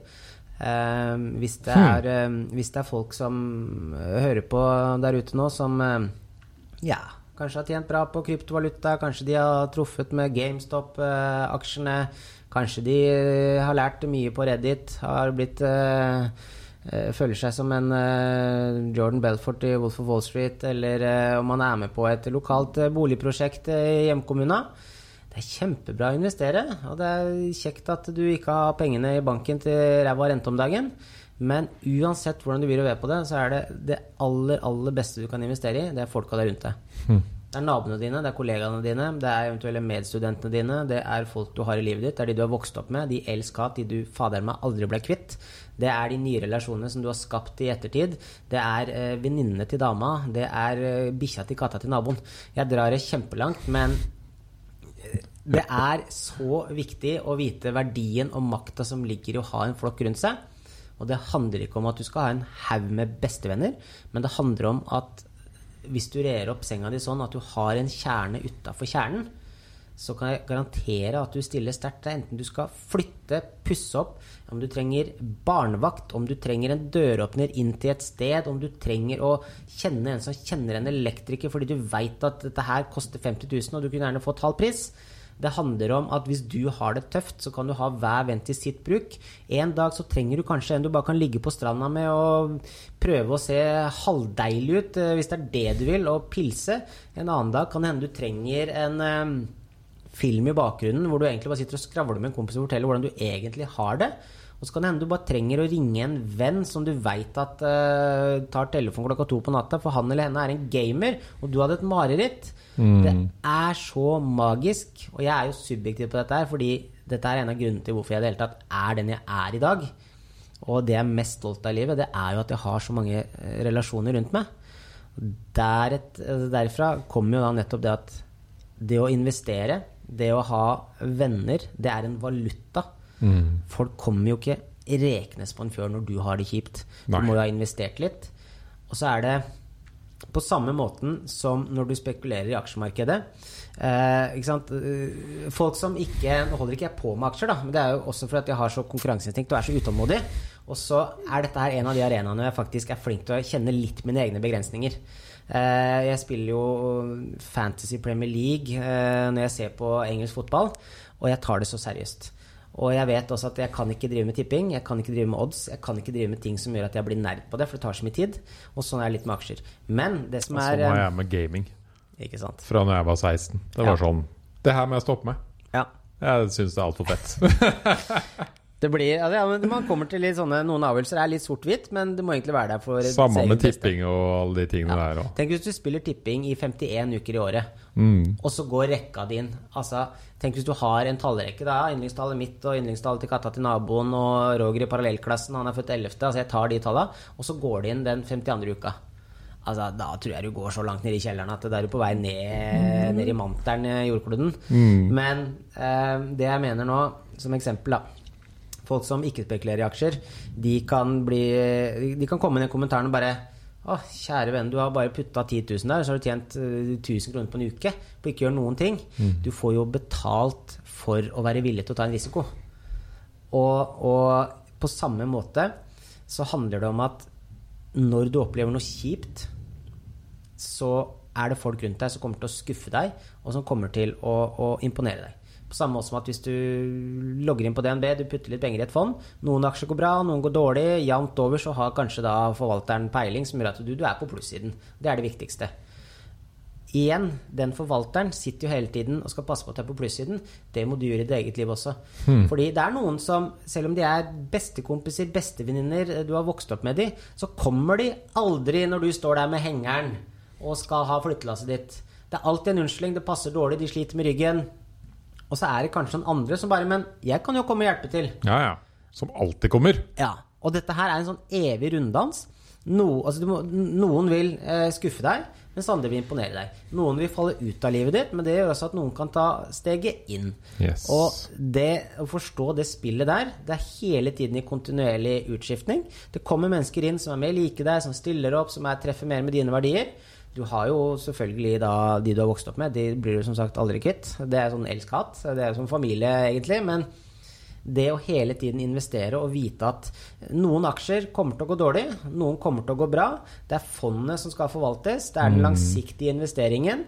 Hvordan jeg sitter i det eh, den dagen jeg trenger det, som er viktig. Mm. Så dette her var en, en pitch med masse metaforer, og jeg går veldig herlig. men Veldig bra. Vi mennesker er flokter.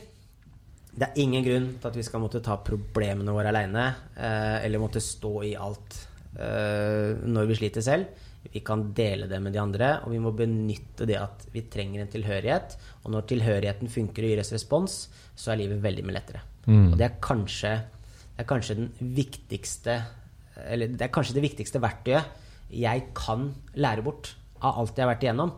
Men det er bare det at hvis ikke du har fysisk aktivitet og får i gang huet ditt, eller du har litt rutiner og blir litt kjent med deg selv fordi hvis ikke du har kontroll på deg selv, litt uh, tilbake til det vi var inne på i stad altså litt sånn, Du må re opp din egen seng eller ta på din egen maske før du rer opp andre sin seng yes. eller ta på andre en maske. Og det, det, er derfor jeg må si de to første verktøyene først. For det starter med deg, og så kan du da ha kapasitet og energi til å gi til andre. Mm. For du må investere når du har det ok eller bra, og da får du lettere relasjoner. Du kan ikke investere når det går dårlig. For det er en dårlig versjon av deg selv. Jævlig godt poeng, og det er utrolig viktig. Uh, men hva hvis du ikke har så mange relasjoner i livet, da? Det er et spørsmål jeg faktisk får veldig ofte, og særlig på ungdomsskoler og videregående mm. rundene når jeg er på de. Og det handler om at du skal jo aldri slutte å prøve. Nei. Altså Det er det aller, aller viktigste. Fordi i min alder, 32, så er jo nå unnskyldningen at man har blitt for gammel og for sær, og du kan ikke få så mye nye venner nå. Det er liksom det man øh, pleier å si. Det, det blir en sånn lettvint lettvint løsning på hvorfor ikke du har ringt eh, Per for et år siden, selv om det har vært korona. Ja, du har sett på Facebook at han har vært på fisketur, eller du har sett at ja, han og da- samboeren venter barn. Og så tar du den enkle unnskyldningen med at nei, nei, men ah, det sånn blir det, vet du, vi har blitt så voksne. Og bare Hvorfor kan ikke du være starten på en forandring på det, da? Yes. Altså, eh, det her Nå kjenner jeg at jeg ble ordentlig engasjert, faktisk. Ja. Fordi jeg, jeg, on. det er så mye dårlig statistikk på de eldre nå som er ensomme. Altså, Som snakket ikke har nok folk rundt seg. Ja. Så du må huske på at den generasjonen og den generasjonen som er imellom de ordentlig gamle nå, de er på ett spor. Og det sitter vi hver eneste dag hvis vi googler statistikker eller følger litt med og, og setter oss inn i det, og ser at det funker ikke. Så noe har de gjort feil. Og jeg er ganske sikker på at de fleste har foreldre som bare Nei, du veit, når du blir eldre, så har du ikke like mye tid, og da er det familie og det hele tatt. Så det er en, det er en sannhet som er etablert fra generasjoner før oss. Og så sitter vi og ser at det funker jo ikke optimalt. Så hvorfor ikke bare forandre litt på det? Og hvorfor er det sånn at i dagens samfunn så er det mer vanlig at foreldra blir bestevenner med barna? At de er mer den derre Nå har jeg jobba litt med salg, og, og da har jeg jo eh, Hvis jeg har hatt en rolle som salgsleder eller teamleder, eller det kan være alltid fra, fra La oss ta, la oss ta ja, Uansett produkt eller hva det skal være, da, men i hvert fall så Jeg fant ut at jeg eh, kan aldri være en person som går inn og forventer at en selger skal ha 10% høyere omsetning, eller DB. Jeg kan ikke være den personen som står med stoppeklokke og bare 'Hvorfor kommer du fem minutter for seint?' Jeg kan ikke være den personen som forventer at de rundt meg skal legge inn to timer ekstra fordi de skal ha en lengre karriere, eller for at de skal virkelig vil ha de 3000 kroner ekstra. Da. La oss si at det er eh, klassisk telefonsalg eh, som jeg har vært innom, hvor det er mest provisjon. Og det er sånn Kom igjen, 3000 til! Eh, Forresten veldig fascinerende hvor en flaske vin er mer motiverende enn 3000 mer inn på, på kontoen når det er fredag. Men det, det jeg mener å trekke ut fra dette her, det er jo at jeg har alltid måttet være en leder som blir kompis med avdelinga. Og eh, de jeg har hatt ansvaret for på salg, de har måttet ha lyst til å være med og dra teamet, eller være med og hjelpe meg. Det har vært min måte å tenke på. Og, og eh, så tenker jeg liksom det at det er en, en spennende tankegang når det kommer til oppdragelse nå. Det at du, du, du er den empatilederen, og ikke nødvendigvis den strenge som liksom bare Ja, men nå skal du være på rommet i 24 timer, og det der får du ikke lov til. Dette er en veldig sånn svart-hvitt eh, oppdragelse. Samtidig så tror jeg det da henger litt sammen med at eh, vi vet hvor viktige relasjoner er. Det å ha gode relasjoner til barna våre. Jeg tror man ubevisst har skjønt det. Kanskje man hadde et litt dårlig forhold, eller litt for voksen slash barn forhold til sine foreldre. Og så vil man kanskje prøve å minske det gapet. Sånn at jeg tror flere veit om det. Og hvis man bruker da den innsikten i hvordan det er i ferd med å bli med oppdragelsen, og hvordan dynamikken er mellom barn og, og voksne den dag i dag, så tror jeg du kan bruke det svaret også til å tenke at men dette henger jo sammen med naboene. Det henger jo sammen med vennene dine. Altså, Sørg for at du har det tette båndet til de, fordi du skal re opp ting til den dagen du blir litt mer skrøpelig, den dagen hvor du ikke har noe jobb å gå til, du ikke har noe karriere, du er lei av Netflix for 30 år sia. Yes. Da er det kjekt å vite at eh, det kommer jo ikke bare én på fyrstekake når du inviterer til det, det kommer 15. Jævlig bra sagt. Og det er litt som når du som, Ikke sant, det første rådet ditt Når du sitter der hjemme og ikke gjør en dritt og hører på den kjipe stemmen og er lat og orker ingenting Det å ta på seg skoa og gå 100 meter, det er en god start. Det er litt det samme når det gjelder eh, venner og bekjente. Man må også på en måte ta på seg skoa, ta den telefonsamtalen. Plukke opp mobilen. Prøve å møte nye folk et eller annet sted. Bli med på lønningspils Mm. på arbeidsplassen. Altså, Vær litt gæren, da. Altså, du kan sikkert kjenne deg igjen i det, for i hvert fall gjør jeg det. Eh, Barrieren for å bli med en kompis på et vorspiel eller en fest, hvis jeg først da Jeg kan bare se for meg hvordan dette her blir mer og mer at jeg må jobbe imot i framtida. Eh, bli med da i en ny setting. Jeg tror det er så mye lettere for folk å tenke Nei, vet du hva, jeg skal ha Per Ola og Knut her eh, på lørdag, vi skal se litt fotball, så jeg blir ikke med deg på den, den festen. Bare, altså, du, du, tar noen sånne bevalg som bare sånn Nei, jeg tar det trygge, jeg tar vare på de jeg har her. Jeg vil jo utfordre folk til å i hvert fall av og til ta den lille sjansen. Mm. Plutselig så dukker opp La oss si at du, la oss si at du har en ganske habil stemme. Du kunne meldt deg på The Voice. Og så viser det seg da at eh, du møter en som jobber med musikk på den festen. Og hvordan er det man møtes, eh, får nye jobbrelasjoner eller får nye muligheter i livet? Det er jo for pokker Tenk tilbake til studietida eller tidlig arbeidstid eller, du, eller arbeidsliv, eller når du ble med på ting når du var yngre. Mm. Du fikk jo nettverk. Altså, nå skal jeg gjøre sånn, og det var et knips. Du får nettverk på blunk. Ja. Fordi eh, Altså Det er bare sånn Det slutter man med, og da blir jeg sånn Nei, men ikke gjør det, da. Du skal jo bytte jobb i framtida. Bli med på noe. Ta og bowle med han kompisen din som skal ut med sine kollegaer. Altså, Du vet aldri hvem som, som er rundt neste dør. Du vet aldri hvilke relasjoner du kan møte på. Og Det var bare ett lite eksempel. Det med at La oss si at du har en perfekt sangstemme, men du har bare aldri hoppa ut av det. Plutselig så ender du opp med en platekontrakt. Mm. Altså, Det er de sjukeste historier som måtte være. Altså, ja, ja, ja. har, har du sett eh, Det er jo den, den serien om eh, Dr. J og um, han uh, Iovan, uh, produsenten. Det jeg syns er så fascinerende der, det er hvordan disse to En ting er jo at han Dr. J har kommet ut av, av eh, liksom Kommer fra, fra Compton. Eh, man har jo Straight of Compton, som liksom sånn Mange har sett den. Men at liksom han kommer fra ingenting, og han kommer fra et eh, litt kriminelt, fattig, litt voldelig nabolag. Hadde ingenting. Måtte, liksom Den klassiske sånn Sulten var der, han var perfeksjonist, han skulle få til ting. Og så har vi da eh, Jimmy Iwin, da, han, eh, han eh, italieneren, da, som også vokser opp. Ting er litt røft. Han eh, var nerd. Og så er det så latterlig mye tilfeldigheter i det. Altså, har, de har jo laget selskapet Eller de hadde Death Row Records. Mm.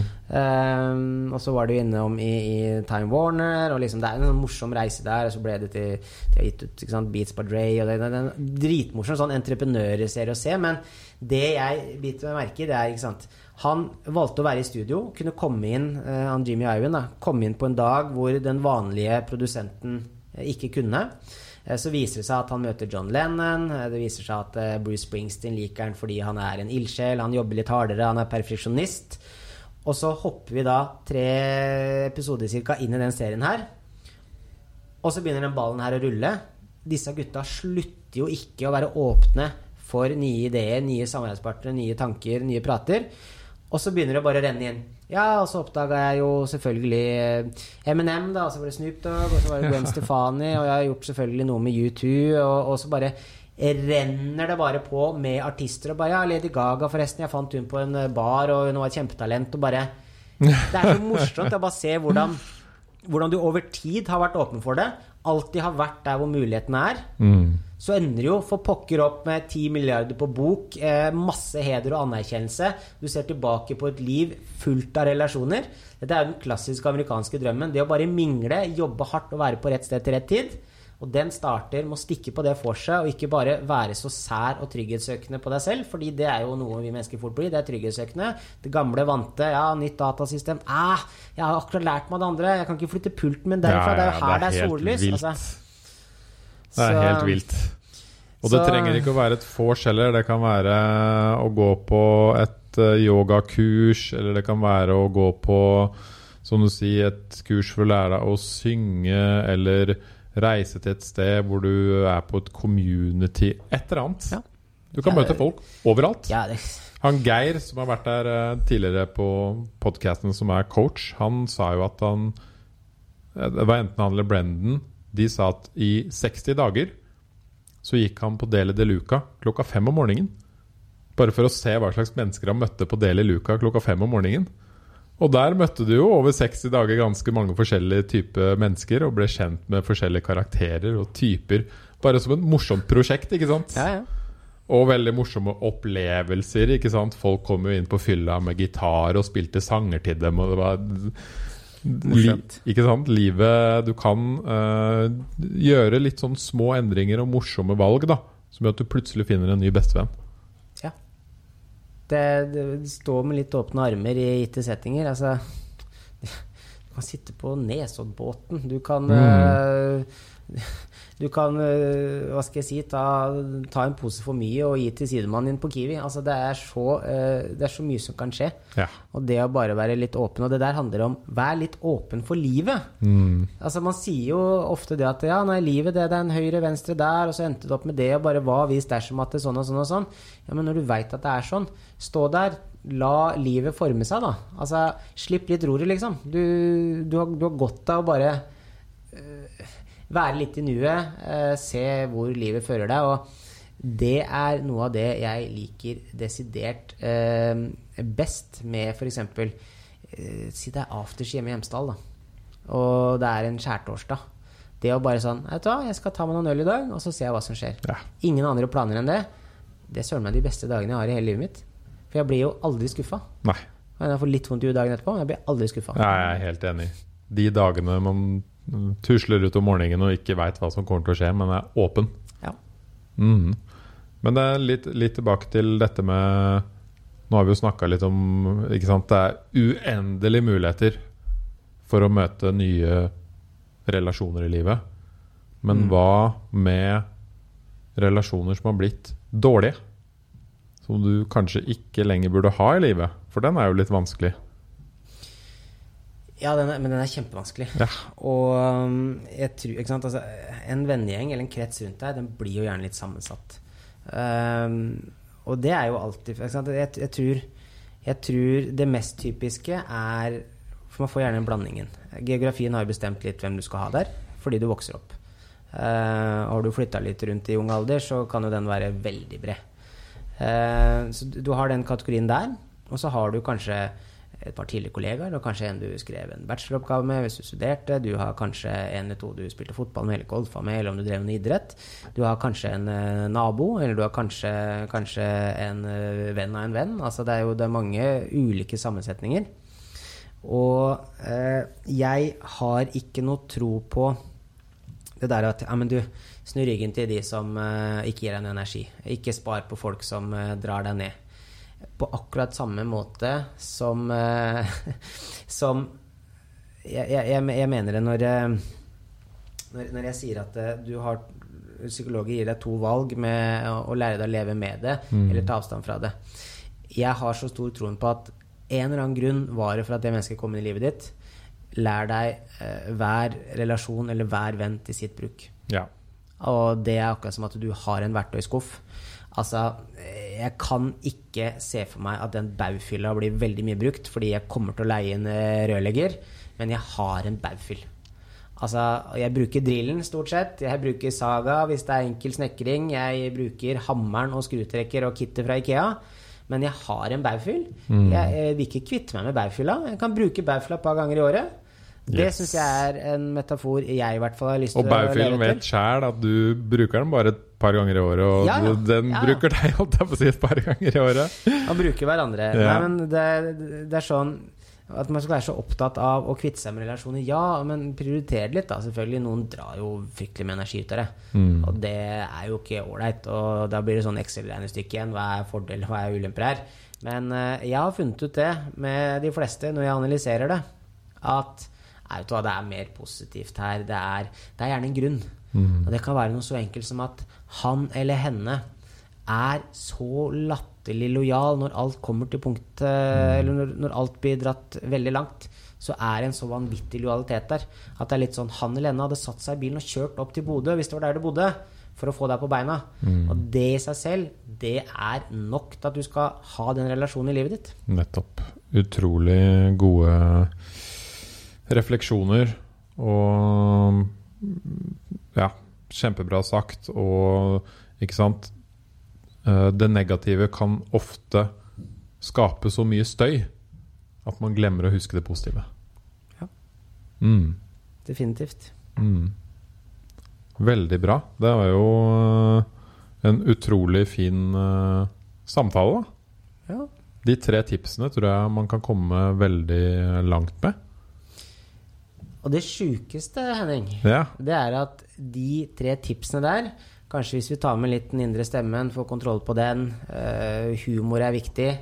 Uh, ja, det, det skal jeg faktisk hoppe kjapt eh, inn på. Humor. Det er sånn at hvis noe kjipt skjer, så er det mange som har misforstått og tenker at humor er jo ikke viktig for deg hvis du står i motgang eller du står i noe kjipt. Humor er viktig at du har, eller glimt i øyet i det minste, for at folk skal orke å hæle og være rundt deg. Mm. hvis ikke du har sett deg sjøl i speilet når du har en dårlig dag, eller du har en kjip periode eller har opplevd noe fælt, så er du en dårlig versjon av deg selv. Og humor er et språk som vil lette på det. Så hvis du ønsker at folk skal være rundt deg når du har noe kjipt i livet ditt Nå er det ikke sånn at jeg ber folk om å løpe rundt og være standup-komikere eller klassens klovn, og ting må jo falle litt naturlig, men jeg tror de fleste kan i hvert fall klare å ha et lite glimt i øyet. Det vil gjøre at det er lettere å ha folk rundt deg, eller at folk vil stille opp. For de fleste har prøvd å være rundt noen som har det kjipt. Du veit ikke hvordan du skal trå, du vet ikke hva du skal si, du vet ikke når du skal ta initiativ, når du skal Altså møter du kanskje litt motstand, og så gir du opp. Og bare Det er dritvanskelig. Det er vanskelig å i det hele tatt vite hvordan man skal forholde seg til folk som har det kjipt. Og stemninga, auraen, atmosfæren kan noen ganger være så bedrita at du bare Åh, jeg har ikke lyst til å stå i dette her og bare Nei, jeg orker ikke. Og bare åh, kan ikke han komme seg på beina? Kan ikke hun skjerpe seg? Kan ikke, altså, historien gjentar seg, og bare ah, orker ikke. Så der er humor et ekstremt uh, viktig virkemiddel. Uh, altså Helsesektoren bruker det for alt det er verdt. Galgenhumor. De må lette på trykket. Nødetaten, politi, brannvesen osv. Altså, humor er så viktig. Folk som opplever ekstreme ting. Men eh, La oss si at det da er totalt eh, fem ting. da. Det er fysisk aktivitet, det er rutiner, det er de sosiale rammene du har rundt deg. Og så er det det å eh, få kontroll på den indre stemmen. Henger litt sammen med rutiner, bli kjent med seg selv. Hvordan er det man snakker med seg selv? Jeg vil bare skyte inn at jeg mener at hvis du ser på hvis du begynner å snakke til deg selv sånn du ville snakka til eh, en bror, en søster eh, eller eh, ditt eget barn, eller altså noen du, du genuint bryr deg om, så ser du at du fort blir litt hyggeligere med deg selv og, og i det hele tatt. Og det siste da med humor. Det som er så sjukt, er at disse fem tingene de kunne en syvendeklassing ha skrevet på tavla. Ja. Hva skal til for at eh, et menneske har det bra? ja. Og- Rekk opp hånda. Ja. Si det- én ting, du, Per. Bare ja, trene. Og så, og så, hvis man da oppsummerer det da i forhold til meg Jeg har en, eh, en sterk historie. Det, den er jo voldsom. Det er jo, det er noen detaljer her som er bare sånn Wow, dette er en spillefilm. Traumene mine er kjempekompliserte. Det, det, er sånn, det kan eh, virkelig fagfolk skrive under på at her, her er det mye som er bakt inn i den kaka, liksom. Dette her er komplisert. Mm. Og så er verktøya mine så latterlig enkle. Altså, det er så stor kontrast. Og det jeg tror er historien og traumet mitt er så ille at jeg, jeg måtte og er helt avhengig av å gå helt inn i kjernen. Det mest basic du kan gjøre som et menneske for altså La oss snakke om psykisk helse, da. Som hele tiden får en dårligere statistikk. Det er triste tall. Nå har studentene er den siste statistikken som er sånn Det er vel halvparten har følt på, på depresjoner, angst altså, Det er vel sånn 25% går rundt og har selvmordstanker i en eller annen grad. Og det, er liksom, det var bare helt syke tall. Psykisk helse har blitt bare Heldigvis er det, veld, det veldig mye mer i vinden. Da. Folk snakker mer om det, så det er mer liksom, oppmerksomhet. Men trenden er så, er så dårlig og er så negativ over så mange år. Og da begynner jeg å tenke at eh, når så enkle verktøy har hjulpet meg med en så dramatisk historie, da tror jeg at dette her kan være en helt avgjørende nøkkel for å snu en psykisk helsetrend. Eller om vi ikke skal snu den med en gang, i hvert fall kan vi bare stoppe den. Kan vi bare begrense statistikken nå? Eller sørge for at det ikke blir verre? Og da tror jeg vi må tilbake til basic. Og det sitter i ryggmargen. Bevege seg. Det å ha litt rutiner. Fordi vi, kroppen vår er laget sånn at vi trenger rutiner. Vi elsker det. Hvis du har stått opp til et fast klokkeslett to-tre uker, så gjør kroppen automatisk. Du får trent opp kroppen. Og vi er flokkdyr, så vi trenger relasjoner. Vi trenger humor fordi det er et felles språk, og det gjør at folk vil være rundt deg enten du har det bra eller det er kjipt. Og du er nødt for å bli din egen bestevenn og få kontroll på stemmen din. Og dette her, eh, Henning, det er det jeg lever av. Jeg tjener penger på det. Hvor sjukt er ikke det? Det er en sjuendeklassing som kunne ha skrevet det. Ja, ja. Og så er det dette her du får servert, liksom. Jeg går på en scene, masse arr, slår i bordet. Her er sykehusbildet. Jeg ser ut som en mumie lappa sammen, to meter med arr. Eh, Gud skrevet på veggen. Sjuk historie. Komme meg på beina. Alt var ødelagt, sånn og sånn og sånn. Og så er det sånn, men kjære publikum, enten dere er aksjemeglere, eller jeg er og besøker lille Rusta videregående, eller jeg er på en folkehøyskole i Gokk hvor det bare er søte elever, så er budskapet det samme. Altså den dagen jeg Jeg har jo litt store ambisjoner, men den dagen jeg kommer på, på en eller annen scene i USA og, og skal terpe enda litt mer på engelsk, det er en liten vei å gå, men vi kommer dit. Den dagen så skal uansett målgruppe, de skal få akkurat det samme budskapet. Make it simple. Make it simple. Historien, det jeg har opplevd, er fælt. Og verktøyene mine er enkle, og det håper jeg skal fascinere folk. Fordi det er litt Rema 1000-reklamen med at det enkle ofte er det beste. Mm. Og, og man trenger ikke å ha opplevd noe så ille som deg for å bruke disse verktøyene. Man kan bare ha det litt kjipt. Ja.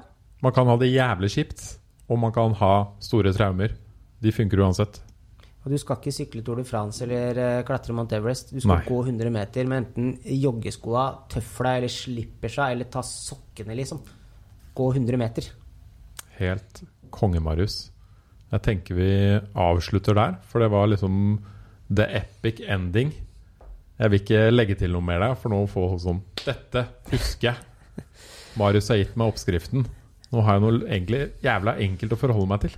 Ja, det ble litt sånn uh, road rage uh, over det- attituden, men det, Det vil vi ha. Ja, ja. Ja, ja, ja. Vet du hva? For det første, hvor kan folk sjekke deg ut, lese om deg, finne deg på nett? De, ja, det enkleste er å faktisk søke på navnet ditt på Google. For da har jeg jobba litt med SONO. Da kommer du rett inn på hjemmesida mi ganske på toppen. Marius Der, eh, Løken. Marius, uh, Marius Løken på Google, eller mariusloken.no. da. Der eh, kommer det nå i disse dager en splitter ny hjemmeside med alt ifra historien min til uh, en virkelig reise for å bli kjent med meg. Eh, reisen min innen psykisk helse, alt ifra hvis du lurer på ting rundt eh, bok, prosjekter jeg gjør, hvis du har lyst til å høre et foredrag, se et digitalt foredrag, bestille et foredrag, alle ting gjøres derfra. Så det er liksom min plattform. Så velkommen inn dit. Utrolig bra. Og du jobber jo til daglig med å holde foredrag.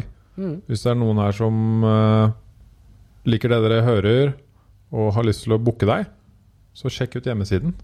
Noe som faktisk er litt kult, det er at målgruppa mi til å begynne med var veldig mye eh, ungdom, studenter, eh, organisasjoner, folk som bare trengte en sterk historie fordi de kanskje skulle gå gjennom eh, regnskapet for sitt forbund eller verve medlemmer eller hva det var. Og det som er så magisk, er at næringslivet har nå kommet mer og mer. De Yes. vet at sine ansatte har en, en psykisk helse på arbeidsplassen. Og det syns jeg er superkult. Så det er sånn når det gjelder næringslivet, eh, og det er ikke en oppfordring nødvendigvis at de må booke meg, men fortsett å satse på psykisk helse på arbeidsplassen. For hvis folk har det bra, bra der, får gode venner på jobben, skal jeg love, jeg kan garantere at du får mindre sykefravær, Ja. du får lengre ansiennitet i jobben, du får generelt mer driftige mennesker fordi de funker bedre med endorfiner og kjærlighet. Yes. Helt konge. Tusen takk for besøket i dag, Marius. Tusen takk for at jeg fikk komme. Ja, det var veldig både lærerikt og